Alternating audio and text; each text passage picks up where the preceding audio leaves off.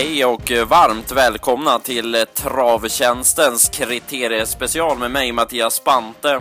Detta är en spelpodd där vi till skillnad från vår ordinarie podcast fokuserar på ren spelinformation och kommer att bjuda på gratis speltips under kriteriehelgen i två podcastavsnitt, ett idag lördag och ett imorgon söndag. Vi kommer bland annat att bjuda på ett skrälldrag, ett stallskrik, dagens bästa tvilling samt vinnarspel plus ett avslag inför dagens tävlingar på Solvalla. Så häng med!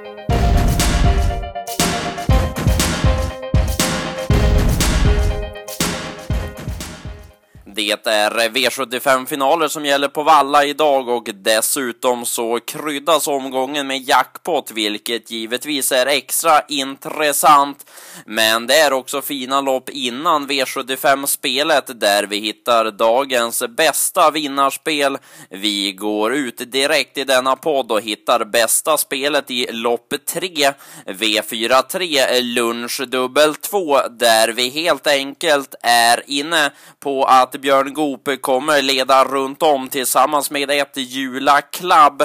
Hästen var mycket fin vid debutsegern på Axevalla, men efter det har det strulat och inte varit riktigt lika uppåt. Han övernattade dock dåligt senast enligt Björn som låter mycket nöjd i jobben inför detta, där han nu meddelar att Jula Club är i ordning igen. Och spännande idag är att det ska bli första med rycktussar, vilket funkat fint i jobb, plus att Jula Club ska tävla med helstängt huvudlag för första gången.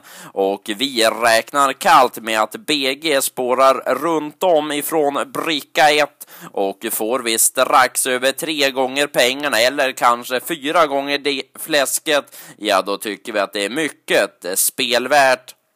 Vidare till V75 sedan, där vi hittar omgångens avslag och stallskrik i samma avdelning, nämligen V75 5.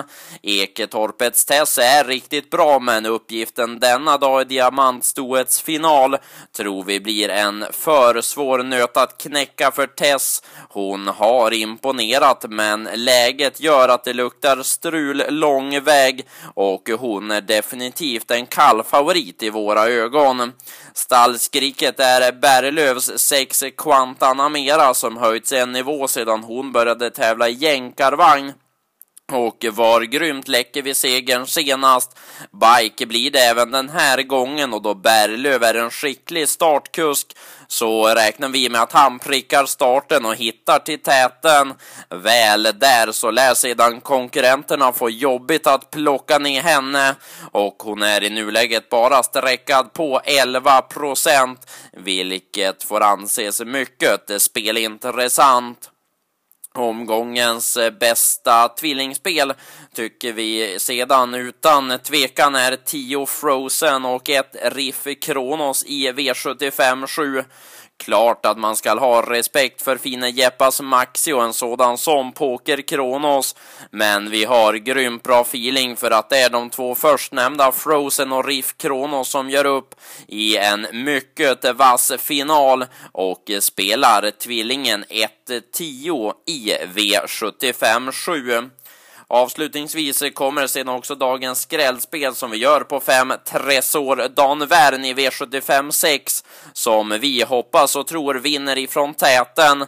Kaliber TT bör ta hand om ledningen direkt ifrån start, men där släpper Persson och vi räknar kallt med att Berg är den som är först fram och får överta.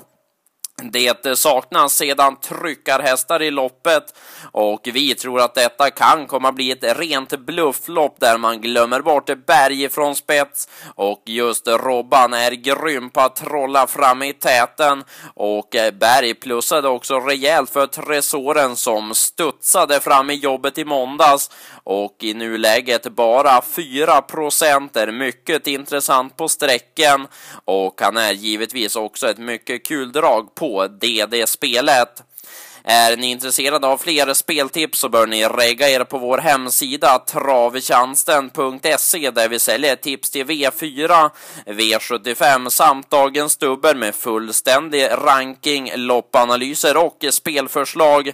Du kan även köpa tipsen i din smartphone. Adressen är då m.travtjänsten.se värmningar och senaste nytt ifrån Valla idag och ett hett jackpot-system därefter får du som vanligt i slutspelet som levereras klockan 14 respektive 16 denna lördag. Missa inte det!